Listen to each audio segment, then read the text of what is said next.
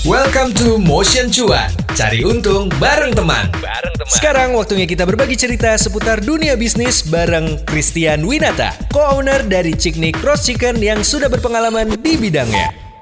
Bergerak bersama Pulihkan Indonesia, welcome back to Tap Out. Yes. Nah hari ini tuh uh, gue tuh pengen ketemu sama seseorang yang sangat inspiring banget karena kakak yang satu ini, cie kakak, kakak yang satu ini ini mulai bisnisnya di usia yang muda banget gitu ya. Terus dia nih bikin uh, satu roast chicken dan gue gue tuh nggak tahu, gue, gue udah pernah makan. Terus gue kaget banget waktu tahu hari ini adalah beliau nih gitu yang bakal gue ngobrol-ngobrol gitu. Jadi langsung aja aku mau panggil panggil uh, speakers kita hari ini yaitu adalah Christian Winata, co-ownernya Chicknick Roast Chicken. Hai Chris. Hai, halo Cheryl. Thank you. Hai, udah. apa kabar? Baik, baik, baik. Uh. Ya, ini mungkin teman motion yang, kok kayak gue pernah denger ya Ciknik ya. Iya, lo pasti pernah denger. Lihat aja di Instagramnya ada Ciknik di situ.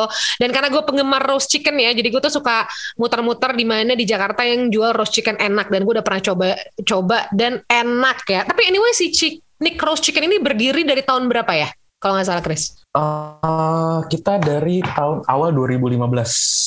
Oh, 2015. Hmm, jadi udah sudah enam tahun lebih ya. Nah, story awalnya nih gue penasaran. Story awalnya gimana sih lo akhirnya bisa bikin ciknik ini? Emang lo aslinya sebelum itu emang uh, udah terjun di dunia entrepreneur atau kecemplung atau diajakin rame-rame atau kayak gimana sih awalnya? Uh, jadi sebenarnya ini perkumpulan teman-teman kecil sih. Jadi kita dari kecil itu emang udah tertarik sama makanan. Ada yang emang suka masak, ada yang emang suka makannya doang gitu. Tapi kita semua suka sama makanan gitu. Lalu setelah lulus kita semua hampir lulus bersamaan ya 2014 kalau nggak salah. Jadi setelah enam bulan kita dan kebetulan kita semua tuh kayak kurang tertarik untuk terjun di dunia korporat gitu. Jadi hmm. ngobrol-ngobrol-ngobrol-ngobrol, eh kita usaha yuk, usaha. Dan kebetulan memang uh, beberapa dari kita sih ada ilmu masak gitu. Uh, partner kita uh, yang teman kecil kita juga ada ilmu masak. Uh, gue juga suka masak berawal dari bantuin nyokap gitu ya dan lihat-lihat oh. YouTube.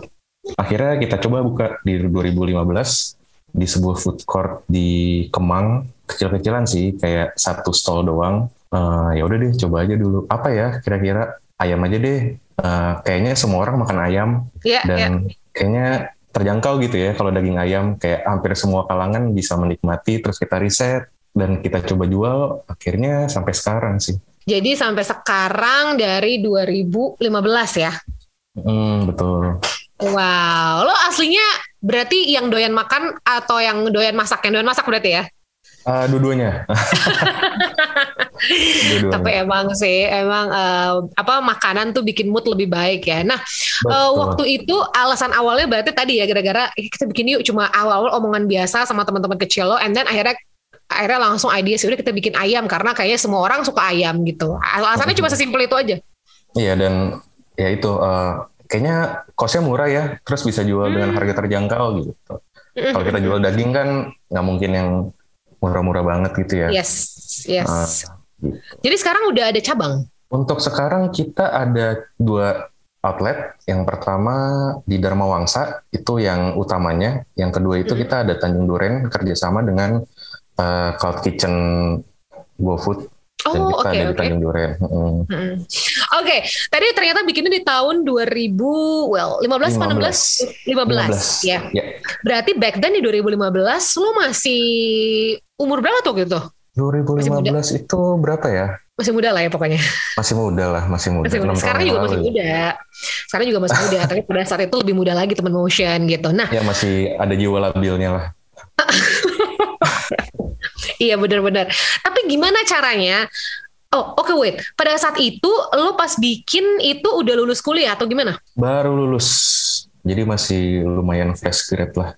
Masih fresh grade, uh, oh. terus males untuk kerja di korporat ya kan, terus mau bikin bisnis. Nah gimana caranya ngumpulin modal awal nih buat usaha di awal? Kalau awal-awal itu 2015 kita kan buka di uh, food court uh, which is modalnya nggak gitu gede ya. Jadi kita masih chip in patungan bareng-bareng. Kira-kira butuh modal berapa? Ya udah kita masukin bareng-bareng. Nggak gede sih. Jadi masih bisa sekalian kita tes ombak dan kita trial and error ya karena kita belum benar-benar punya pengalaman untuk bangun startup bisnis dari nol jadi nggak gede sih nah setelah dua tahun berlalu kita pindah ke Dharma Wangsa itu lumayan besar karena kita uh, scale up ke restoran. Di mana sebelumnya food court yang cuman ibaratnya dapur doang lah ya. Karena furnitur dan server dan segala macamnya udah disediakan. Sekarang kita butuh uh, training karyawan sendiri di divisi dapur dan di server untuk handle orderan, closing, equipment dan sebagainya. Itu lumayan besar.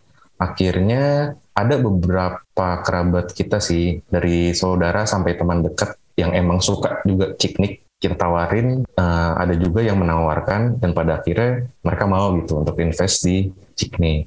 Hmm, oke. Okay. Jadi jadi awalnya emang masih yang kecil dulu, terus akhirnya dapat partneran untuk invest gitu lah ya. Berarti eh tapi kalau si Ciknik ini berapa orang sih akhirnya ownernya ini sampai sekarang? Uh, sampai sekarang kita uh, kalau dari awal founder enam orang. Dari awal enam orang ya? Mm, betul. Jadi emang pas chip in itu sih nggak nggak gede sih karena dibagi enam kan. Dan yes. kebetulan masing-masing dari kita uh, punya uh, kemampuan sendiri kayak misalkan. Nah uh, kita ada yang suka masak, ada yang jago servis, emang hobi gitu ngelayanin orang dan gampang bikin orang balik gitu. Ada juga yang jago banget finance-nya, ada yang anak desain. Jadi hmm. untuk urusan desain dan sosmed semuanya dia yang urus gitu. Iya, iya, iya. Jadi pembagian tugas dari masing-masing udah jelas tuh ya dari si ownernya atau yang pertama kali uh, apa namanya hmm. founder-foundernya ada yang ngerjain yeah. finance, ngurusin service, ngurusin masak gitu. Kalau lo sendiri di bagian apa nih? Atau bagian testing food ya?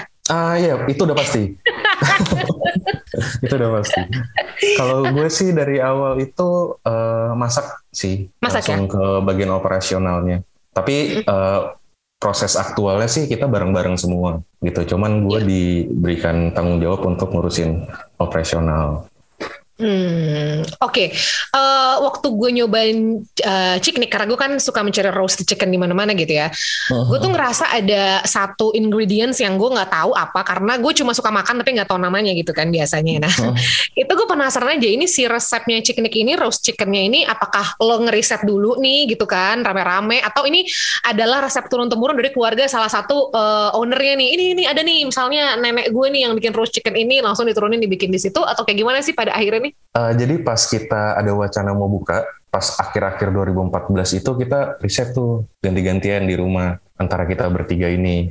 Ada teman gue, partner gue juga namanya Rainer dan Elias. Itu kita lumayan intens buat riset dari awal. Kita nggak punya resep uh, dari keluarga kita. Okay. Kita cuman modal buku, YouTube, dan uh, apa ya keras kepala aja kali ya. Coba-coba dari awalnya jadinya ayam kayak ayam goreng sampai hmm. kayak ayam rebus sampai kayak sekarang itu udah lumayan banyak sih yang gagal. Oke, okay, jadi udah kayak udah ada beberapa uh, ayam yang jadi korban kegagalan ya. Dan keluarga kita sampai lumayan bosan makan ayam karena kan udah jadi nggak mungkin dibuang dong. Mau nggak mau kayak makan nih ayam gitu lumayan iya, sih iya, beberapa iya, minggu. Iya, iya. Ini lucu sih, sumpah ini lucu. Tapi kalau banyak banget nih, uh, banyak banget nih Chris Motion yang nanya kalau misalnya gue pengen buka bisnis gitu ya, uh, kan susah nih awalnya. Nah kalau lo sendiri pada awalnya tuh buka bisnis ini gitu ya, ngerasain apa sih masalah pertamanya? Untuk startup yang pasti masalah pertamanya itu bangun image ya, bangun image dan bangun nah. power karena kita nggak dikenal sama sekali gimana caranya kita memperkenalkan at least kita kasih mereka kesempatan untuk mau coba produk kita uh, hmm. kalau dari sisi produk sih kita udah lumayan yakin ya karena karena sebenarnya untuk cari roast chicken yang betul-betul enak dan gampang dicari gitu pada waktu itu sih masih masih susah masih yeah. sedikit lah gitu jadi kita udah yakin sama produknya gimana caranya orang-orang uh, mau coba tahu ciknik itu apa itu sih yang paling besar pengorbanannya dan harus tekun untuk menjalaninnya karena tekun. memang butuh waktu betul. Ya, ya, ya benar tuh teman motion ya. Jadi awalnya memang harus tekun aja dulu gitu ya lakuin. Konsisten kali ya? Betul konsisten. Tukang ayam? Tukang ayam masih makan ayam gak sih? Masih tapi masih. udah but I do believe that you are not consume your own roast chicken deh sekarang. Cannot argue Kecuali kalau mau lagi pengen improve resep gitu ya beda ya. Tapi kalau kayak betul, betul. kayak, kayak di hari-hari biasa gitu kayak ah makan ayam nggak ada lain ikan gitu mungkin atau sapi sapi bisa nggak sapi oh. gitu kan. Kalau craving emang udah udah kayak udah nggak pernah sih. Iya. Udah nggak ada ya. Uh, Oke, okay. aduh, aduh, aduh, aduh. Oke, okay. tapi enak sumpah teman motion lo cobain buka Instagramnya Ciknik ya enak buat yang suka roast chicken itu rasanya kayak uh, ada kayak hint of apa ya? Uh, uh, uh, uh, uh, uh, gak tau ya kayak ada rempahnya gitu. Gue gak tau apa ngomongnya rempah atau betul, apa. Betul, betul, betul. Bener ya? Betul. Bener kan tuh. Oke, okay. kita masuk ke pertanyaan tadi gue janjikan akan bertanya itu adalah masa pandemi. Nah, how is it with Ciknik and pandemi?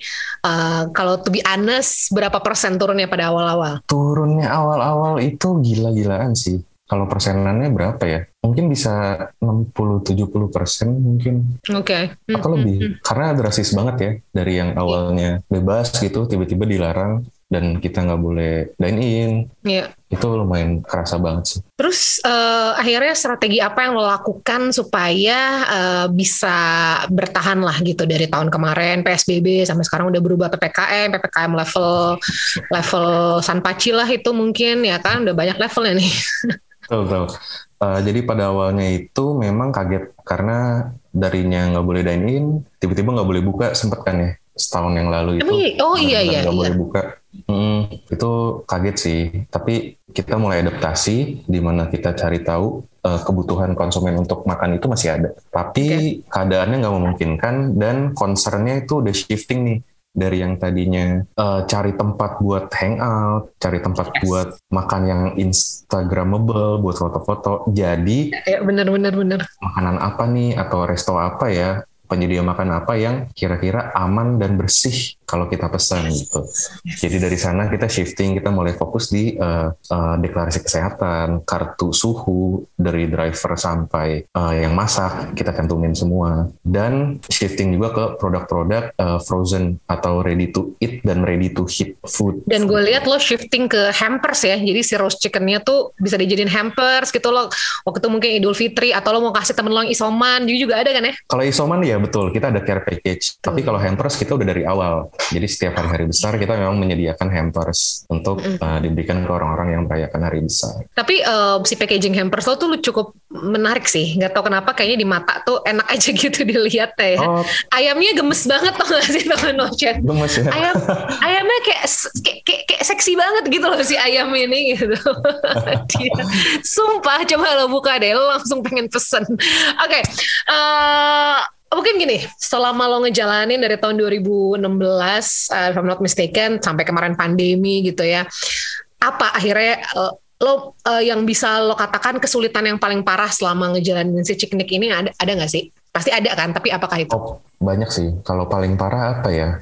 Mungkin dari segi bisnisnya sih, karena yang pertama kita semua benar-benar baru terjun, kita oh. lumayan apa ya lumayan serabutan gitu ya awal-awal. Tapi hampir semua startup, apalagi founder-founder yang berkecimpung di bisnisnya itu memang awal-awal serabutan karena mereka harus tahu persis apa yang bisnis mereka lakukan, kebutuhan apa dan masalah apa yang terjadi gitu. Itu sih mm -hmm. uh, komitmen dan integritasnya harus lumayan tinggi karena nggak mudah buat membangun kepercayaan orang dan uh, membangun reputasi gitu dari nol itu lumayan susah. Jadi jangan takut sih kalau emang belum untung atau ada kerugian di mana-mana. Intinya kita kayak rawat anak kecil ya. Pasti kan kita rugi gitu. Sekolahin, susu, popok gitu. Tapi sekolahin ngelawan uh, lagi tuh anak. itu apa tuh? Pengalaman pribadi. oh enggak. Lalu ya itu sih. Jadi untuk jangka panjangnya kalau kita percaya dan kita tekun ngelakuinnya pasti ada hasil yang baik. Ya, ya. Jadi, jadi sebenarnya uh, memang kalau bisnis nggak ada bisa bilang apa yang paling sulit. Justru memang kayaknya selalu sulit ya. Gue tuh selalu bilang orang-orang hmm. entrepreneur atau pengusaha tuh nggak pernah tenang hidupnya gitu. Kayaknya hatinya tuh naik turun naik turun dulu gitu. Gue sih kayaknya kalau gue mentalnya nggak bisa gitu. Karena menurut gue mereka tuh setiap hari mikir kan kalau kita sebagai pekerja kan oke okay, kita kerja 9 to 5 that's it kita mikirin planning apa kerjaan kita. Tapi kalau seorang pengusaha kan ada orang-orang di balik itu pegawai lo pikirin kan pasti pada saat pandemi gimana oh, gitu kan gajian ya kan segala macam gitu. Nah mungkin gini Chris ada nggak sih tips nih buat teman motion nih yang masih pada muda-muda gitu yang pengen ngejalanin their first business gitu yang pertama, fokus tentang apa yang mau dijalanin. Kalian harus tahu konsep atau produk apa yang mau kalian tawarkan ke customer. Balik lagi, harus ada risetnya nih. Kira-kira apa yang masih banyak peluang dan apa yang masyarakat butuhkan gitu. Yang kedua adalah jangan takut sih untuk coba. Karena kita nggak bakal tahu sebelum kita coba. Kalau kita tunggu sampai perfect, kita nggak mungkin jalan gitu. Teknik aja pada awalnya nggak kayak gini banyak banget hal-hal yang masih butuh improvement tapi kita kayak coba ini saja dan pada akhirnya sembari jalan memang terbukti sih ada input dari customer ada input dari keluarga gitu. Tapi kita udah jalan kita udah ambil first step yang susah yang paling susah diambil gitu. Jadi jangan takut coba dulu aja. Kalau memang gagal kita ambil intisarinya yang paling baik apa yang bisa diperbaiki itu sih Bener sih, tuh teman motion ya buat yang newbie, newbie pengen cari entrepreneur. Oke, ke depannya nih kira-kira Chris Ciknik bakalan ada ada apa sih gitu kan? Tempat baru mungkin, buka di 13 kota mungkin. Amin, amin, amin, amin, amin, amin, amin sih. Ke depannya apa nih project ke depannya? Uh, yang paling dekat itu jadi kita bakal pindah.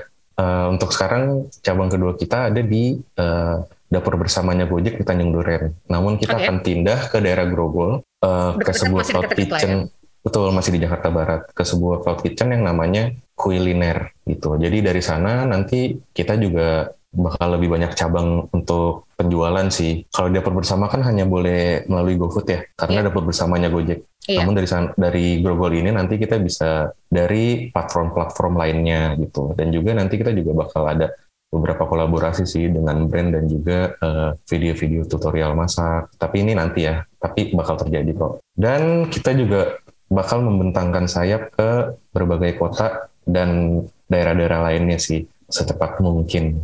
Oke, okay, nah silakan nih kalau kayak gitu teman motion nih kalau lo pengen lebih apa lebih tahu lebih kenal soal Ciknik sekarang saatnya Ciknik mau promo nih langsung. Silakan Chris. Oke, jadi buat teman-teman yang mau lihat-lihat Ciknik atau mau mulai pesan silakan aja dicek di berbagai sosial media. Ada cik, pakai Chicknik Cross Chicken uh, untuk keywordnya Chicknik Cross Chicken. Kita ada di berbagai platform untuk pemesanan. Ada di GoFood, GrabFood, Shopee Food dan juga Traveloka Eats and Delivery. Lalu untuk Instagramnya juga kita ada berbagai games dan kita bakal sediain foto-foto menarik tentang package-package yang akan kita uh, launch nantinya dan juga mau encourage nih buat teman-teman yang selama ini mungkin udah jarang dine in dan pesan makanan melalui driver ya kita ya. menyediakan yeah. driver's meal jadi kalau kalian pesan di sana, makanan itu langsung kita berikan ke drivernya. Jadi sebagai sebuah bentuk apresiasi untuk mereka yang berjasa mengantarkan berbagai makanan ke rumah kita. Oh, keren banget sih. itu langsung dibuka semuanya di sosial medianya Ciknik ya, teman motion ya.